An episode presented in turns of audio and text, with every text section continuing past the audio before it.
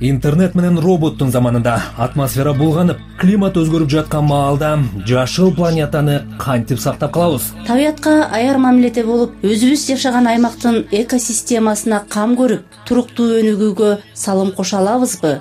Азаттыктын жашыл планета программасында экологиялык көйгөйлөрдү көтөрүп климаттын өзгөрүүсүнүн биздин жашоого тийгизген таасиринен кеп салабыз. Жашыл планета желим адамдын жашоосуна ушунчалык терең киргендиктен аны суу менен ичип тамак ашка аралаштырып жей баштадык. Пластиктин микробөлүкчөлөрү косметикадан кийимден балыктан жана адам буту баспаган арктикадан бери табылды. Дүйнөлүк океанга жыл сайын он эки миллион тоннага чукул пластик ташталат. Кыргызстанда күнүнө же жылына канча желим идиш баштык колдонулат эсебин эч ким билбейт. Дүкөндөрдө базарларда азык түлүк кийим кече салынган баштыктар тамактануу жайларындагы идиш аяк аны ченемсиз пайдаланып жатканыбызды далилдейт. Мунун айынан табиятты желим таштанды каптап айлана чөйрөгө олуттуу зыян келтирип жатканы баарыбызга белгилүү. Таластын талды булак айылынын тургуну бүбүкалича оморова желим баштыктан арылуунун өзүнчө жолун тапкан. Байбиче жылтырак баштыктан жерге салынган төшөнчүлөрдү токуйт жетимишке таяп калган маектешибиз бул ишти бир чети эрмек кылса экинчи чети тегерек четибиз таза болсо дейт соңку кезде айылдыктарды беймаза кылган желим баштык көйгөйүн чечүүнүн жолун бүбүкалича апабыз кабарчыбыз санжы туйтуновага айтып берди.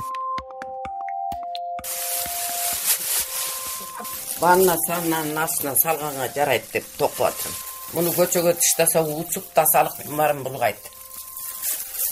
Андан көрө мынтип токуп койсоң эшикке кирип келатканда буту ачыган жерге салып койсоңор бутуңардын ылайлары ошол жерге кирлери баары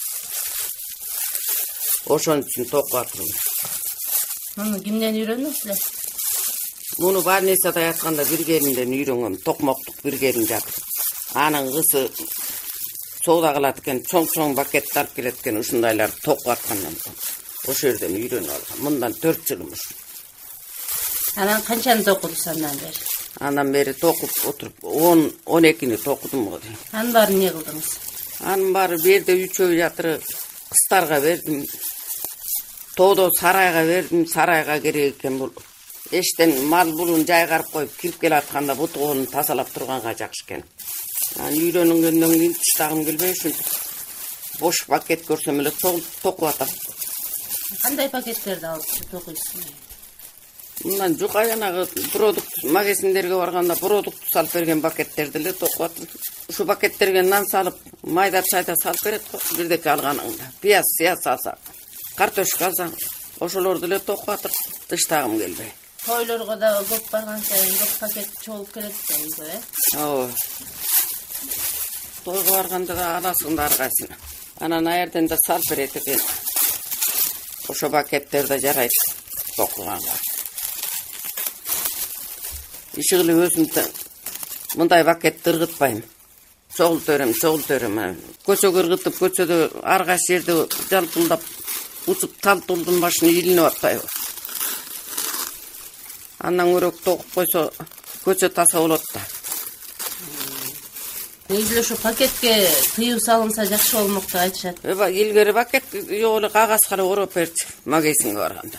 Ошо деле жакшы болчу түрмөк түрмөк кагазды алып барып эле чекесинен кыркып анан аны ороп ошого эле конфет салып кант салып чыгарбай койсо канекей мунун пайдасынан зыяны көп дейт экен го анан билбейм. Ал кагазды болсо эч деле зыяны жок да жагы берсең да болот. Муну жаксаң жыты жаман экен да.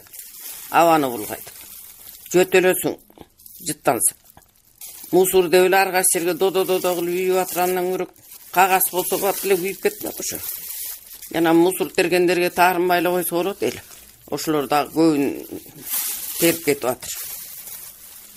Анан бул канчага чыдайт экен сиз токуган төшөкчөлөр ой бул көпкө эле чыдайт экен. Жүз жыл болсо да чыдай турган неме экен айрылбайт экен тытылбайт экен. Чыдамдуу болот экен. Буту ачыган жерге тыштасаң деле айрылбайт. Көпкө чейин турат. Чаң болгондо силкип койсоң жукпайт экен буга. Сумка андай мындайды токугандар бар экен да? Ошондойго кызыккан жоксузбу сумкага деле кызыккан жокмун анан токусо болот да. Сумкага деле ушундай көп кетет. Мунун өзүнө эле үч жүз пакет кетти анан сумкага деле бир эки жүз пакет кетет го. Бир пакеттин бир эле кичинекей жери болот току кийгесең кичинекей эле болуп калат. Ал үчүн аябай көп чогултуп алып анан токуса болот. Көп эле жумуш жок аялдар үйлөрүндө эле отуруп ушундай магазинден майда чайда салып барган пакеттерди үйлөрүнө чогултуп коюп токуп койсо көчө таза эле болуп турмак да. Шаар деле таза болмок. Таластын талдуу булак айылынын тургуну бибикалича оморова желим баштыкты ыргытып ийбей. Турмуш тиричиликте кайра кантип пайдаланса болоорун кесиптешим санжи туйтуновага баяндап берди. Азыркы күндө желим баштык идиш аяк базар дүкөндөрдөн тышкары тамактануу жайларында да кеңири сатылат. Айрыкча кафе ресторандардан пластикке салынган жылтыракка оролгон тамак аш алгандар көбөйдү көчөдө чай кофе куюлган стакандан тартып кашык вилкага чейин желимден жасалган. Той аш өткөн жерлерде да сөзсүз жылтырак баштык тараткан адатка айланды. Бир жолу колдонулган желим идиш аяктын баасы сегиз он сомдун тегерегинде. Аларды дүңүнө сатып алса мындан бир топ арзан. Кыргызстанда жарандык активисттер бир жолку желим буюмдардан баш тартып жаратылышты коргоо демилгесин көтөрүп жүрүшөт. Анткени менен бул багытта мамлекеттик деңгээлде иш баштала элек айлана чөйрөнү коргоо жана токой чарба агенттиги желим баштыкты чектеген мыйзам долбоорун иштеп чыккан. Бирок өлкөдөгү пластик жасаган ишкерлердин нааразылыгынан улам ал коомдук талкуудан өтпөй артка кайтарылды. Эки миң он сегизинчи жылы америка кошмо штаттарында химик профессор шерим мейсон баштаган топ иликтөө жүргүзүп желимдин микробөлүкчөлөрүн бөтөлкөдөгү суудан деңиз азыктарынан пиводон океандын суусунан ал тургай абадан тапкан адистер бөтөлкөдөгү суу чыгарган эл аралык жана жергиликтүү деңгээлде таанымал он бир компаниянын продукциясын текшерген. Былтыр дүйнөлүк саламаттык сактоо уюму желим бөтөлкөгө куюлган суунун курамындагы пластиктин микробөлүкчөлөрү изилденээрин билдирген. Ушул тапта тамак ашка аралашкан желимдин ден соолукка зыяны билингени менен терең иликтене элек. Статистикага таянсак дүйнөдө мүнөт сайын миллионго чукул желим бөтөлкө сатылат. Анын жети пайызы гана кайра иштетилет эки миң он алтынчы жылы төрт жүз сексен миллиард бөтөлкө сатылса анын жүз миллиарды кока кола компаниясына таандык болгон. Биз сөз кылып жаткан желим материал же полиэтилен таштандынын арасында дагы жүздөгөн жыл бою жоголбой жата берет.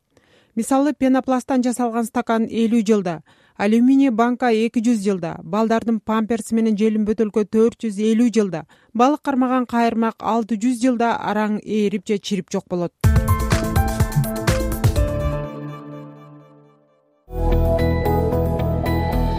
интернет менен роботтун заманында атмосфера булганып климат өзгөрүп жаткан маалда жашыл планетаны кантип сактап калабыз? Табиятка аяр мамиледе болуп өзүбүз жашаган аймактын экосистемасына кам көрүп туруктуу өнүгүүгө салым кошо алабызбы? Азаттыктын жашыл планета программасында экологиялык көйгөйлөрдү көтөрүп климаттын өзгөрүүсүнүн биздин жашоого тийгизген таасиринен кеп салабыз. Жашыл биз күндөлүк турмушта кеңири колдонгон желим буюмдардан толук баш тартууга мүмкүнбү? Айрым замандаштарыбыз желим таштандыны чектеп аны коомчулукка жайылтуу аракетин да көрө башташты. Алардын бири сумсарбек мамыралиев бишкекте таптакыр желим идиш аяк колдонбогон кафеди ачкан. Анын ашканасына кабарчыбыз сабыр абдымомунов баш багып келди. Сумсарбек саламатсызбы? арбаңыздар кандайсыз? Сиздин ашканаңызда экологияга зыян келтирүү максатында таиланд даамдарын гана жасаган бишкектеги бул кафенин аты тайча бан ван деп аталат. Аны бир жыл мурда ачкан сумсарбек мамыралиев бир эле пластик колдонууга каршы болбостон буюмдарды кайра колдонуунун философиясын келген ар бир кардарын айтуудан тажабайт. Эко болуш үчүн өзгөчө кандай философия? Ал уже колдонгон нерселерди кайра экинчи үчүнчү төртүнчү жолу колдонсоң вот это больше көбүрөөк пайда да же жөн эле сен кагаз э, пакет колдоносуң же пакет пластик пакет колдонбосоң. Мисалы үчүн стульчиктерим столдорум колдонгон мына көрүп турасыз э, декоративный бамбук турат. Бул бамбук уже колдонгон бамбуктан жасалган бул атайын мен үчүн кезилип алып келген да да материал ооруп келген неме да. Керамин баргу э, лев толстой менен кафель сатат. Аларда беш сомдон сынган кафелди килограммын беш сомдон алсаң болот ал ошол кафелди кайра ыргытышат. Мен ошону алып алып мастикага отургузуп мына стол кылып койдум. Столдун үстүнө мозаика кылып кооз и дешево и красиво. Сырткы жасалгасынан баштап ар бир үстөл отургучтар люстралары баары эски буюмдардан жасалган кафе учурда таштандыны алтымыш пайызга чейин кыскарта алганын өзү ашпозчу кассир официант болуш деген кафенин башчысы сумсарбек мага айтып берип жатты. Батыш неме өлкөлөрдө айтып коет fully passive house эко бизде жүз процент пайыз жок мен эсептегенче алтымыш үч процент пайыз мисалы үчүн кагыздарды пластиктерди биз баарын ыргытпай кайра ресайкл кылабыз кайра колдонууга. Фритюрницада май өтүп кеткен мына баклажкаларда турат. Ошону чогултуп жүз литр кылып жума сайын жок жок жума сайын эмес бир он күндө бир жолу нарында үч чака деген нпо бар. Ошолордо өзүнүн немеси бар. Газоперерабатывающий установка биогаз кыла газ иштеп чыгара турган э? Ооба биогаз биогаз. Өтүп калган тамактардан ошо баары биогаз болуп ошон үчүн ошол май колдонулат аларга берип сатасыз? Сатпайбыз жок акысыз жок. Мен эмне уже аны сатып иштетип койгом аны не кылам? Төксөң немелерди кайра сантехникады бузат мисалы үчүн биз немелерибиз мына көрүп атпайсызбы азыр көрсөтөйүн плафондор лампочка плафондор булар деле колдонгон уже э, гезиттерден жасалган. Эч ыргытпайбыз таштанды чыгабы анда аз эле чыгат ошону айтып кетсем болот да. Мисалы үчүн мен канча сүрөттөрдү видеолорду тартып канча тазалыктан келишти эсептешти. Он эки столик кафеңер мынча төлөйсүзүңөр мисалы үчүн мен ай сайын тазалыкка бир миң төрт жүз сом төлөйм. Эмнеге төлөп атканымды билбейм. Мен билем мисалы үчүн эки комнат үч киши жашаган квартирадан көбүрөөк мусор чыгат менин кафеде. Бирок алар канча бир элүү алтымыш сом төлөшөт мен бир миң төрт жүз сом төлөйм ушуну сүйлөшкөн жоксузбу айтып жүргөм алар силер кафе анан баары чыгарасыңар деп э? Баарыңар чыга ишенбейт. Мен видео алып баргам үйдөн үйдөн компост жасагам. Ишкана иштеткен сумсарбек мамыралиев ушундай ишканаларды мамлекет колдошу керек деген пикирде. Жылытай тамагы да. Биз мисалы үчүн бир э, жүз литр казан э, плов жасабайбыз же лагман жасабайбыз. Бизде мындай заказ келди жасадык берип бердик все эч кандай эчтеке калбайт деле. Калса деле ошо кабыктары болду. Бирок бир миң төрт жүз сомго мен максимум бир наверное эки жүз сомго мусор чыгарам. Бирок ай сайын бир миң төрт жүз сом төлөйм.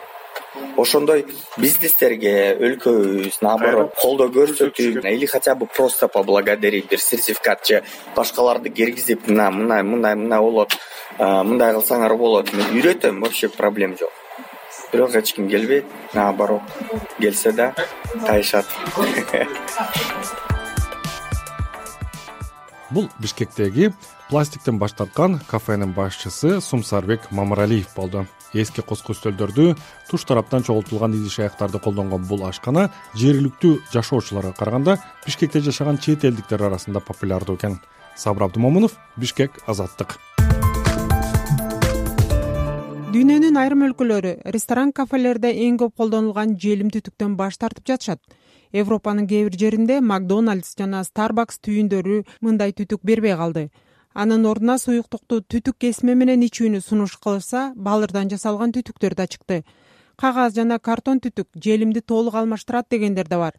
Айрым жерлерде органикалык айнекти жана камышты да сунуштап жатышат. Бирок албетте алардын сапаты желимдикиндей эмес эскерте кетсек дүйнөлүк океанга жыл сайын он эки миллион тоннага чукул пластик ташталат. Мына ушундай жагдайда европарламенттин депутаттары эки миң жыйырма биринчи жылдан кийин өз аймагында тамак аш жана коомдук тейлөө тармагында желим буюм тайымды колдонууга тыюу салууну караштырып жатат. Берлиндеги фрая университетинде илимий изилдөө жүргүзүп жаткан максат анарбаев европадагы пластикке каршы өнөктүктү жөнөкөй адамдар кандай кабыл алып жатканын кесиптешим кубат касымбековго кезиккенде колундагы кока кола суусундугу куюлган бөтөлкөнүн мисалында мындайча түшүндүрүп берди. Сиз сатып алганда жыйырма беш цент евро цент бунун баасынын ичине кошо кирип берет. Эгерде сиз ушул тараны кайра алып барсаңыз ошол эле э, магазинге алып барып кайра тапшырсаңыз жыйырма беш тигиниз кайра колуңузга кирет кайра колдоно аласыз. Бул демек биринчи жагынан бул баалуулук берет буга. То есть э, демек көчөдө жөн эле ыргытып бербейсиз бул жыйырма беш тыйын турат дейсиз дагы кайра алып барып бересиз же болбосо керектүү кишилер чогултуп кайра желим чогултуучу пунктка жетет. Кайра иштетүүгө мүмкүнчүлүк бар деген белги менен турат.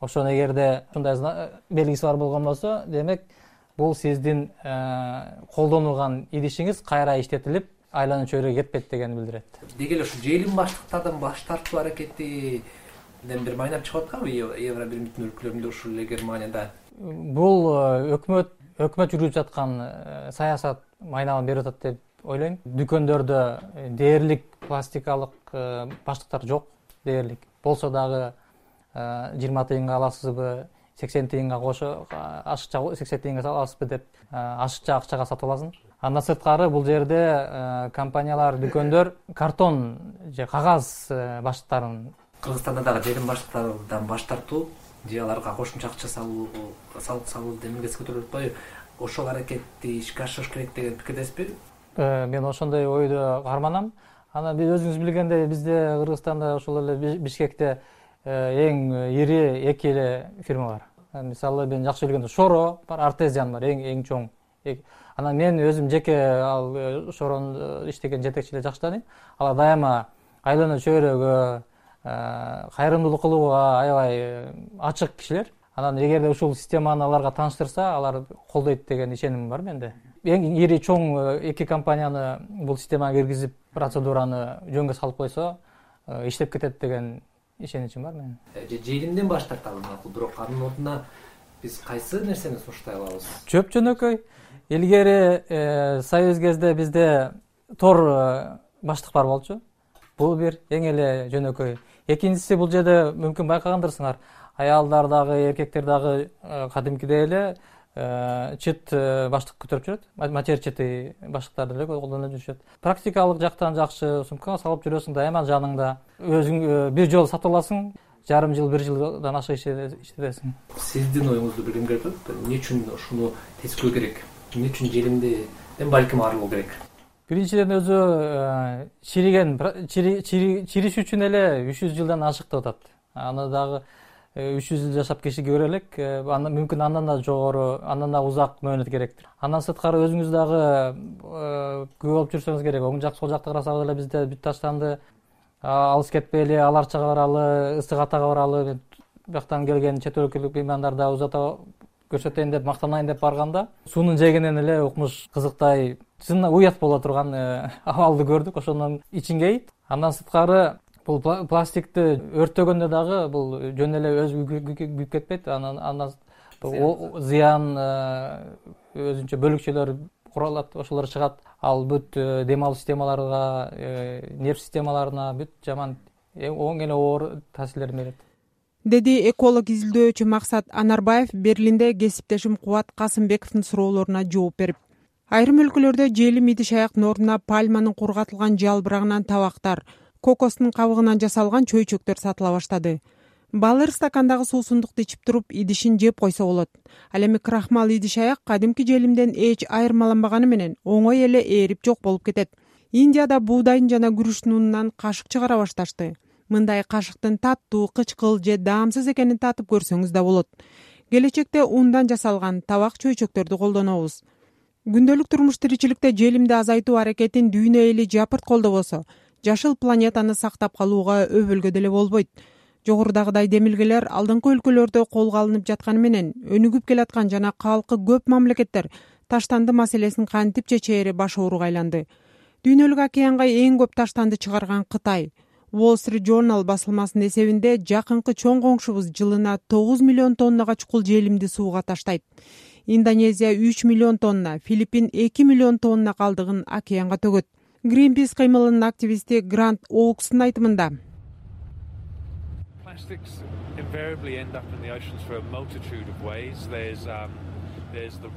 океандын жээгин каптап калган берметтей болгон пластик бөлүкчөлөрдү баарыңар эле көрсөңөр керек. Желим океанга ар кандай жол менен түшөт. Алардын басымдуусу бир жолу колдонулчу заттар. Суу түбүндөгү желимдөбөлөрдүн жетимиш сексен пайызы дал ошол бир жолу колдонулчу пластик буюм тайымдардан улам пайда болот. Алар жүздөгөн миңдеген жылдар бою суу түбүндө жата берет деди гринпис кыймылынын активисти грант оукс экологдор белгилегендей дүйнөлүк коомчулук желим таштандыны иштетүүгө көңүл буруп аны колго албаса жөн гана пластиктен баш тартуу күткөндөй натыйжа деле бербейт. Андыктан өнүгүүнүн туруктуу жолун тандап жашыл планетанын коопсуздугуна кам көргөндөр таштандыны кайра иштетүүгө дагы каражат сарптоону ойлонуусу зарыл урматтуу угарман жашыл планета программасын уктуңуз. Аны азаттыктын кабарчылары санжи туйтунова сабыр абдымомунов жана мен гүлайым ашакеева даярдап обого алып чыктык. Саламатта туруңуз